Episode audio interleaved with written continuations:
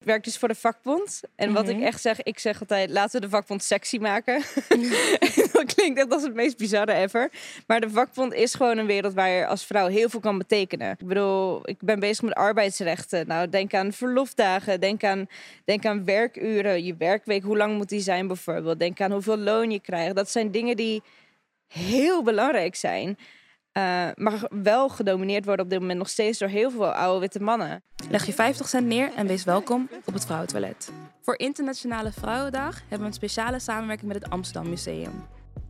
Op basis van de tentoonstelling Panorama Amsterdam ga ik met verschillende vrouwen in gesprek om te kijken wat vrouw zijn nou betekent.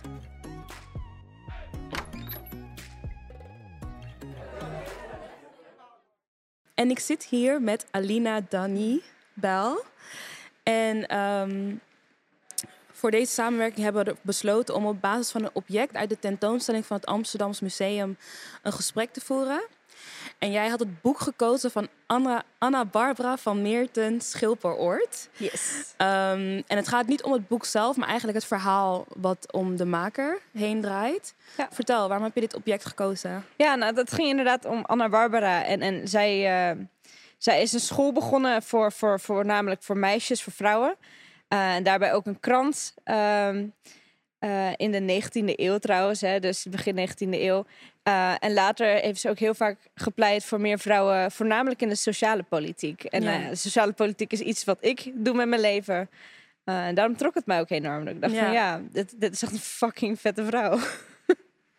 Ja, ik moet ook zeggen, toen ik het las, dacht ik ook echt, want het boek gaat volgens mij over schippers en dergelijke. En nou ja, prima. Maar het verhaal eigenlijk van de maker, van Anna Barbara, was wel heel interessant. En ook Ja. inderdaad dat ze ehm, verandering had voorgesteld en dat af werd gewezen. En dat ze inderdaad qua politiek ook heel veel tegen dingen aanliep. Jij doet ook best wel veel in politiek. Kan je wat daarover wat vertellen? Ja, ja ik, eh, ik ben voorzitter van FV Young United. Dat de jongerentak is van eh, de vakbond FNV. Eh, maar daarbij komt ook kijken dat ik de jongste vrouw ben in de Sociaal-Economische Raad van Nederland. Dus dat is een adviesorgaan voor de politiek. Eh, en verder bemoei ik me ook heel veel op sociale media, voornamelijk Instagram en TikTok, eh, over sociaal-maatschappelijke issues. Die voornamelijk met vrouwen te maken hebben, maar ook met ongelijkheid te maken hebben. Ja. Ja. Zeg maar, Anna Barbara liep er dus tegenaan dat ze iets nieuws wilde ehm, voorstellen en dat werd afgekeurd. Ja. Wat zijn dingen waar, die jij voorstelt en waar jij eigenlijk wordt tegengewerkt? Oh, wauw, dat heb je even. Ja, nee, we hebben inderdaad. nee. Ehm, ja, nou, een, een heel groot ding waar ik zelf tegenaan loop is... ik werk niet in de parlementaire politiek. Parlementaire politiek moet je voorstellen is de Tweede Kamer. Dat zijn gemeenteraden. Volgende week stemmen allemaal. Eh, zeg maar, dat, dat doe ik niet. Ik zit eh, meer in een soort van cirkel daaromheen. Eh, dat noemen we ook wel belangenbehartiging. Mhm. Eh, advocacy in het Engels, als dat meer verzegt. En ehm, nou, dat is eigenlijk echt, echt een oude witte mannenwereld, nog steeds, zeg maar. Ondanks Ja. dat we veel meer vrouwen en ook veel meer mensen van kleur vertegenwoordigd hebben in, in die parlementaire politiek, loopt dat nog wel achter eh, in, in, in, in, nou ja, in, in de lobbypolitiek, om het even maar zo te zeggen. ja. En, en als vrouw loop je er al heel snel tegenaan dat, dat je eigenlijk heel weinig rolmodellen waar je tegenaan loopt. Of die, die kan volgen bijvoorbeeld. Dus ja. nou, ik ben een hele jonge vrouw, maar ik ben ook iemand die zegt: ik wil niet eh, een mannelijke leider zijn. Mhm. En ik wil niet, niet ik zeg maar, ik, ik vind mannelijkheid stoer. Ik vind dat ook wel lekker af en toe, maar ik wil niet mijn vrouwelijkheid daardoor wegstoppen. En Ja. dat is wel iets dat heel veel is gedaan. ja. Wat vroeger misschien ook wel logisch is, omdat je anders als vrouw helemaal geen plek kon krijgen eh, in die politiek. Maar daardoor heb je ook heel weinig rolmodellen nu die je een soort van de weg kunnen wijzen van hoe kun je vrouw zijn en leider zijn en dat niet, eh, niet zeg maar een vrouw die net doet alsof ze een man is eh, in zo'n wereld. En dat, Ja. daar loop ik bijvoorbeeld wel heel erg tegenaan, ja. Dus eigenlijk wat je zegt is dat vroeger kon je vanwege wit feminisme eigenlijk een plek krijgen. Ja. Want, want dat is heel kort gezegd ehm, hetzelfde willen als wat mannen hebben. Ehm, heel kort gezegd, disclaimer. Ehm, en wat je nu eigenlijk wil is, omdat je geen wit feminisme wilt uitvoeren, loop je daar dus heel erg tegenaan? Of heb je daardoor dus een soort van barrière? Want je wilt niet je vrouwelijkheid opgeven. Je wilt niet conformeren aan de mannelijke norm. Ja, Je wilt niet consumeerbaar zijn voor de witte mannen daar. Want dat hoeft ook niet. Dat zou ook niet moeten hoeven overigens om je werk te kunnen doen. Maar het is wel iets waar je dus best wel snel tegenaan loopt. Ja. Heb je überhaupt rolmodellen in, in wat jij doet? Vrouwelijke Een rolmodellen? klein beetje. Ehm, ik, ik, iemand naar wie ik heel erg opkijk, met, maar die, met wie ik ook eh, nu ook veel gesprekken over kan voeren, is bijvoorbeeld Devika Partiman, oprichter van Stem op een Vrouw. Ja. Ehm, nou, zij is wel echt iemand in die lobbywereld. Echt iemand, zeg maar, die, die ook wel snapt hoe die wereld een beetje in elkaar zit. Eh, met wie ik hierover kan praten. Met wie ik zeg maar ook het over kan hebben van wat doe je in zo'n situatie. Want het gaat vaak over onderhandelen. eh, en niet per se over altijd goede speeches hebben bijvoorbeeld. Dus Mhm. Zeg maar, dat, dat, dat zijn dat soort dingetjes. Ehm, en ik heb ook wel een paar mensen, mijn leeftijdsgenoten, met wie ik hierover kan hebben. Het, er zijn gewoon een paar mensen die fantastisch werk doen. Ehm, maar omdat we jong zijn, zijn we ook een beetje onzichtbaar. Ja. Ehm, maar met hun kun je wel vaak gewoon het hierover hebben. En, en we zitten ook met elkaar vaak van oké, we gaan bezig. We have to support each other. We have to cheer each other on. Want anders worden we uit elkaar, zeg maar, eh, gehaald. En worden, like, like divide and conquer wordt Ja. dan gespeeld. En dat, dat is wel iets waar we heel bewust van zijn. Dat we, dat we als, als vrouwen, vooral als jonge vrouwen, samen blijven gaan. En altijd elkaar blijven pushen. En, en vooral die jaloezie die je misschien een keer van kan voelen of zo. Dat je dat niet uit. Dat je echt zegt van... She's a young woman. She's doing her best. Go. ja. Ja. Dus dat je eigenlijk niet, ehm, dat je niet uit elkaar laat drijven door de verschillen, maar eigenlijk alleen maar bij elkaar laat komen door wat je wel samen Ja. gemeen hebt. Ja. Ehm, want wat je eigenlijk wilt als vrouw en vooral in wat zij doet, is nog meer vrouwen eigenlijk binnenhalen. Nog Ja. meer laten zien van hé, hey, het lijkt misschien wel een, een beetje een oude lullenwereld, maar ik doe hele leuke dingen, die kan jij ook doen. Ja. Hoe, hoe zorg je ervoor dat mensen interesse krijgen in jouw gebied? ja. Nou ja, en, en, en ik noem het zeg maar... Ik werk dus voor de vakbond. En wat ik Mhm. echt zeg... Ik zeg altijd, laten we de vakbond sexy maken.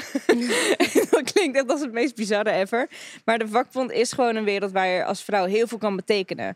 En, en, en daar probeer ik het ook toegankelijk voor te maken. Dus ik gebruik mijn Instagram en mijn TikTok gewoon heel erg om, om te laten zien wat doe ik nou in zo'n wereld. Want het is een hele onzichtbare wereld als je, als je er niet in zit. ja. Ehm, maar het kan zoveel betekenen. Ik bedoel, ik ben bezig met arbeidsrechten. Nou, denk aan verlofdagen. Denk aan, denk aan werkuren. Je werkweek, hoe lang moet die zijn bijvoorbeeld? Denk aan hoeveel loon je krijgt. Dat zijn dingen die heel belangrijk zijn.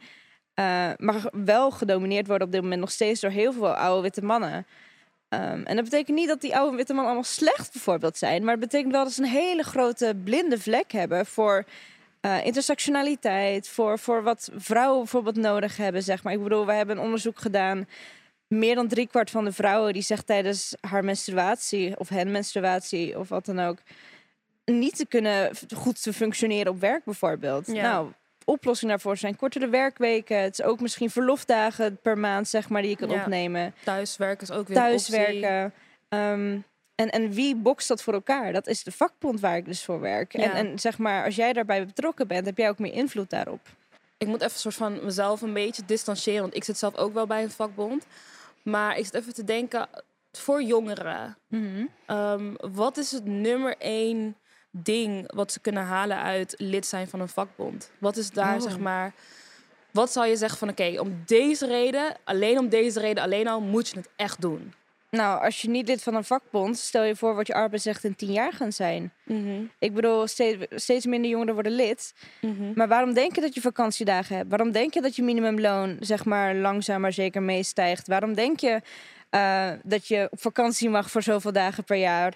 Waarom denk je dat je zeg maar doorbetaald wordt tijdens je zwangerschap? Ja. Dat is niet omdat een werkgever altijd zo gul is. Echt niet. nee. En vooral nu met de flex, zeg maar, flexwerk. Dus denk vooral ook aan de flitsflex, zeg maar. Ehm, je ziet gewoon, de vakbond wordt kleiner, waardoor jij onzekerder wordt over jouw loon. ja. Ehm, en, en waarom zou je lid worden? Nou, power to the people. Letterlijk, zeg maar, dat gebeurt daar. Je kan je daar verenigen, niet alleen op arbeidsvoorwaarden. Ik bedoel, we hebben ons ook vroeger verenigd op huizen, op woningmarkt. Doen we nu weer. We verenigen ons, zeg maar, om andere sociale zaken. Vroeger ook stemrecht, zeg maar. Dat is gewoon ook grotendeels dankzij de vakbond. En als je het terugrelateert naar eh, Anna Barbara... Ze hebben op een gegeven moment een krant opgezet, zeg maar. eh, in, Mhm. in dus de vroege 19e eeuw. Maar dat was helemaal niet zo gek voor die tijd. Want in die tijd, vooral ook in Engeland... en- en wat ik een heel goed voorbeeld vind, zijn charter papers. En dan denk je, wat is dat? Ja, dat zijn vakbonds, vakbondskranten. Oh ja. En, en wat deden die vakbondskranten? In duidelijke taal zetten ze eigenlijk de politiek neer, sociale beweging neer. En zetten ze ook in, wij willen dit gaan klaarboksen. Dus, dus het is helemaal niet zo gek dat je bij een vakbond samenkomt om die sociale verandering zeg maar, voor elkaar te krijgen. ja. Ehm, alleen we zijn een beetje vergeten dat het eigenlijk dat dat bestaat, zeg maar. ja. En, en ik weet niet, iemand had een hele goede column laatst over geschreven. Er zijn allemaal weer bewegingen die opkomen, maar vroeger noemden we dat een vakbond. Ja, ja. Ja. en dat is, dat is ook wel deels heel erg zo.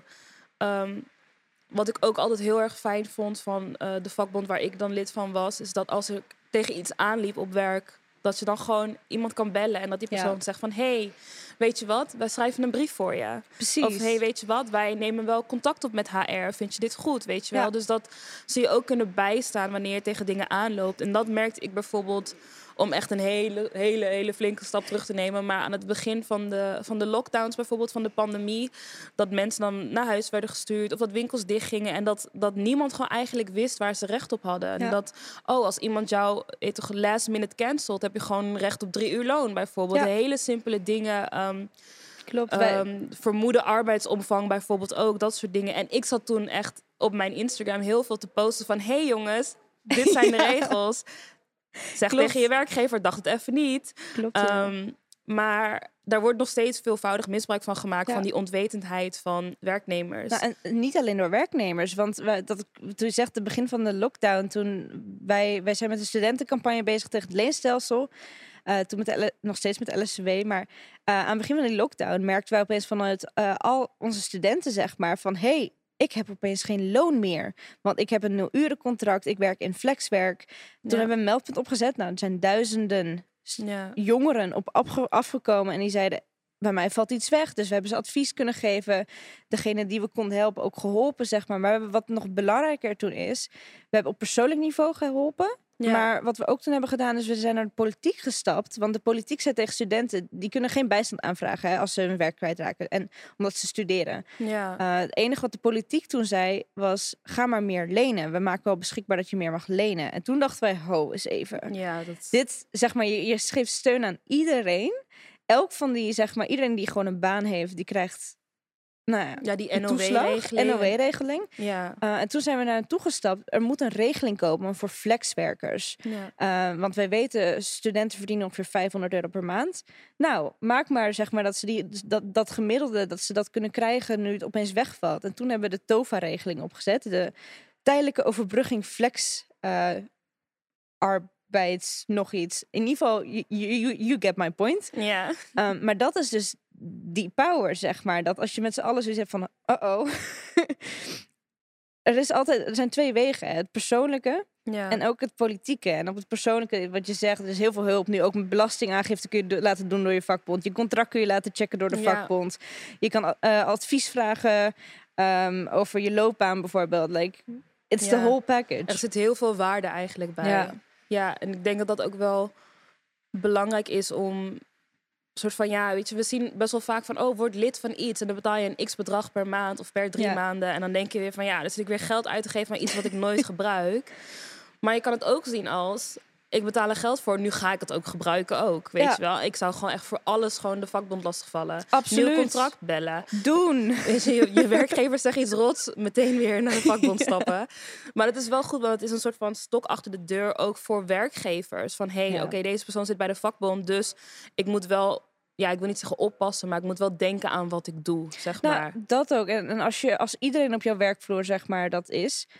dan heeft de werkgever een hele groep om mee te dealen. Niet één persoon, want één persoon ben je kwetsbaar. Ja, Ehm, en het interessante om, om daarna te kijken... als we het ook terugpakken naar mannen en vrouwen... mannelijke sectoren... En vooral zeg maar, eh, dat noemen we dan de arbeidsklasse in de klassieke vakbondstijl. ja. Maar denk aan de havenmedewerkers, denk aan metaalwerkers, denk aan eh, nou gewoon echt dat soort klassieke beroepen, OV, be- openbaar vervoer. Die zijn mannen gedomineerde beroepen zijn heel goed georganiseerd. En waarom zijn ze heel goed georganiseerd? Omdat zo gauw jij die werkvloer opkomt, mensen om je heen gaan zeggen: jij moet lid worden van een vakbond. Ja. En waar dat bij vrouwen wel gebeurt, is bij de zorg. Ja. De zorg is heel goed georganiseerd. Uh, maar dat is omdat ze dat daar ook heel hard nodig hebben. ja. Um, maar eigenlijk, als je gaat kijken naar vrouwelijke beroepen, die zijn minder goed georganiseerd. Ja. Um, terwijl ze zoveel te winnen hebben. En, en, en, en echt niet een beetje, echt heel veel te winnen hebben. Ik Ja. bedoel, kijk alleen al naar onze werkweek. Waarom is onze werkweek nog zeg maar 40 uur? Echt waarom? Waarom? Nee, maar waarom? Ja. Want heel veel onderzoeken zeggen al, als we naar een 30-urige werkweek gaan, Productiever. nou, de werkweek sowieso vrouwen gaan kunnen rondkomen in plaats van in een. In een, in een dat, want hun deeltijd wordt voltijd. Ja. Ik bedoel, vier dagen per week, je wordt dan voltijd. Dus vrouwen worden financieel afhang of onafhankelijker. Maar wat je ook krijgt, is, is gewoon minder stress in je samenleving. Meer zelfontplooiing. En de kwaliteit van het werk gaat niet achteruit. Ja. En, en nou ja, maar we zitten nog zo vast van, wil je meer loon, dan moet je maar weer werken. Terwijl, we're past that point. Ja, ik vind ook dat. Bijvoorbeeld is ook een onderzoek dat op een acht uurige werkdag dat je maar drie uur nuttig bent of iets dergelijks. Ja. Ik ben het daar heel erg mee eens uit mijn eigen ervaring. Ja. Maar, maar nog belangrijker voor die werkweek is, hij is gebaseerd op een mannenwerkweek, waarbij de, de, de, de care, nou, de care-uren, zeg maar, dus zorgen voor een kind, zorgen Ja. voor een gezin, zorgen voor het Een huishouden, emotional labor en het, het werk alleen- vrouwen thuis doen. gewoon ja. puur het, al het andere werk dat er is, dat Ja. we eigenlijk heel lang altijd hebben gezien als onbetaald werk, nog steeds wel zien zo. Dat zit niet in, in een volle werkweek ingewerkt. Nee. Dus die extra dag die je dan vrij zou krijgen, is niet per se een vrije dag. Maar dat is een dag zodat je gewoon al die taken. Dus het zorgen voor iemand, voor jezelf zorgen, eh, sporten, weet je, everything. Dat je dat nog steeds kan blijven doen. ja. Want waarom raken we in een burn-out? Ik bedoel, ik raak zelf ook bijna altijd in een burn-out. Is gewoon omdat er zo'n opstapeling is. Ik, ben, ik hou van werken, maar ik wil ook zeg maar voor mezelf kunnen blijven zorgen. ja. En nou ja, daar moeten we echt naartoe als samenleving. Ja, zeg maar als ik kijk naar mezelf, het stukje zelfontplooiing, wat ik heel erg belangrijk vind. Je doet ook heel veel activisme, eigenlijk los van je normale werk. Ehm, wie is Alina de activist? Een kutvraag eigenlijk. Oh, wauw. Wie is Alina de activist? Ja, Iemand wat, met wat heel is, veel wat is voor passie. jou, zeg maar echt, Mm. je drijfveer? Oeh, mijn drijfveer. Ehm, ja, ongelijkheid kan, ga ik niet zo goed op. Ga echt niet lekker op ongelijkheid, Nee, jongen. Echt, zeg maar, nee. nou ja, nu met de Oekraïne-crisis, ik ben Russische, zeg maar. Ik ben alleen maar, zeg maar, de straat aan het opgaan. Bezig om te vechten voor die Oekraïners, zeg maar. Ja, Maar ook te vechten voor mijn eigen gezin bijvoorbeeld. Dat we're all involved in this. Nou, dat, dat drijft me de afgelopen week heel erg. Uh, Ja. Maar ook het feminisme natuurlijk. Daar ben ik ooit in begonnen ook. uh, als kleine 18-jarige bij de Women's March, zeg maar. Dat, zeg maar, dat het zit gewoon in me. En ook daarvoor al, zeg maar. Ik was constant bezig met informatie oppikken. ja, Um, dus wie is Alina de activist? Is iemand met heel veel passie voor een betere wereld. Um, maar ook heel veel uh, verantwoordelijkheidsgevoel. En of course, I cannot save the world on my own. Maar het is wel... Ik kom uit best wel een ge, ge, a privileged life. ja. En ik heb gewoon... Um, ik kan dit veroorloven in mijn leven om dit te doen. En, en ik denk ook, dat moet ik doen. Um, one more person who needs to do it. Ja, Ja. en dat, dat, dat denk ik gewoon. ja. Hoe zorg je ervoor dat je anderen bereikt? Ehm, experimenteren. Ja, ik denk dat, dat, dat ik dat heel belangrijk vind. Dat je, dat je uh, vooral op social media blijft experimenteren, blijft gewoon uitdagen. Het is iets, namelijk wat mijn grootste pet peeve is. Als we het hebben over communicatie. Mhm. Ik studeer zelfs media en communicatie. En, en dat, het meest verschrikkelijke vind ik wanneer mensen zeggen dat social media niet serieus is. Omdat mensen het associëren met vrouwen. Ja, Uh, en dit is sowieso een ding, zeg maar, alles met wat met vrouwen te maken heeft, wordt nooit, zeg maar, de credits don't come. Weet Ja. je, laten we het hebben over popculture. Wie zijn daar verantwoordelijk voor? Girls, tiener, Ja. tieners, weet je wel. Zij vormen die cultuur, maar, maar ze worden alleen voor uitgelachen. Terwijl als een jongen of een man het erover heeft, is het allemaal cool. En dat is het ook met social media. Dat is een enorme vrouwenwereld. Ja. Waar je heel veel mee kan doen. En je moet er gewoon mee blijven experimenteren en mee, mee onderzoeken. En gewoon, je moet het ook vooral leuk blijven vinden. Het moet geen chore worden. Maar dat is wel heel belangrijk. Ook voor de toekomst van, zeg maar, hoe ga je mensen bereiken? Dat ga je daar doen. ja mensen worden zeker. soms echt boos als vrouwen bijvoorbeeld 15k vragen voor een post, een sponsored post. Ja, Maar vergelijk dat maar eens met een, met een, een full page advertentie in de krant. Want daarmee is het vergelijkbaar. hetzelfde, ja. Same price. ja. En als slotvraag. Als jij nou Anna Barbara van Meerten Schilperoord was, Ja. hoe zou jouw boek heten? Hmm. wow, dat is wel een hele goeie. Eh, hoe zou mijn boek heten? Zou het fictie zijn of non-fictie? Non-fictie. Non-fictie, oké. Ja. Dus ik denk zou dat ik echte verhalen wil vertellen. En waar zou het over gaan? Als we niet weten hoe het heet, maar waar zou je Hmm. inhoud een beetje over gaan? Dat- sowieso denk ik over vrouwen zelf, die, die ik misschien om me heen heb. Mm. En hun verhalen. Ehm, en kijken wat de rode draad in, zo, in hun verhalen zijn. En ik kan bijna 100% al wel gokken dat dat zeg maar ehm, tweede rang zijn de hele tijd is. Constant zeg maar... Ja, Alexander Ocasio-Cortez zei dat laatst heel goed, zeg maar. Ik word de hele tijd onderschat. Mm. Maar laatste mijn onderschat ik. Misschien is dat het ook wel, onderschat. Want je bent een schat, maar je wordt onderschat. Heel mooi. Ja. Dankjewel, Alina. Thank you. Oh, dit is zo goed. ik denk echt dat na dit iedereen denkt, oké, ik ga naar de vakbond. Bedankt voor het kijken naar het Vrouwentoilet. Dit was een speciale aflevering in samenwerking met het Amsterdam Museum. Vergeet niet te abonneren, liken, subscriben. Volg ons op Spotify, Apple Podcast. Oh, en ook nog Instagram. Vergeet je handen niet te wassen en I'll see you soon.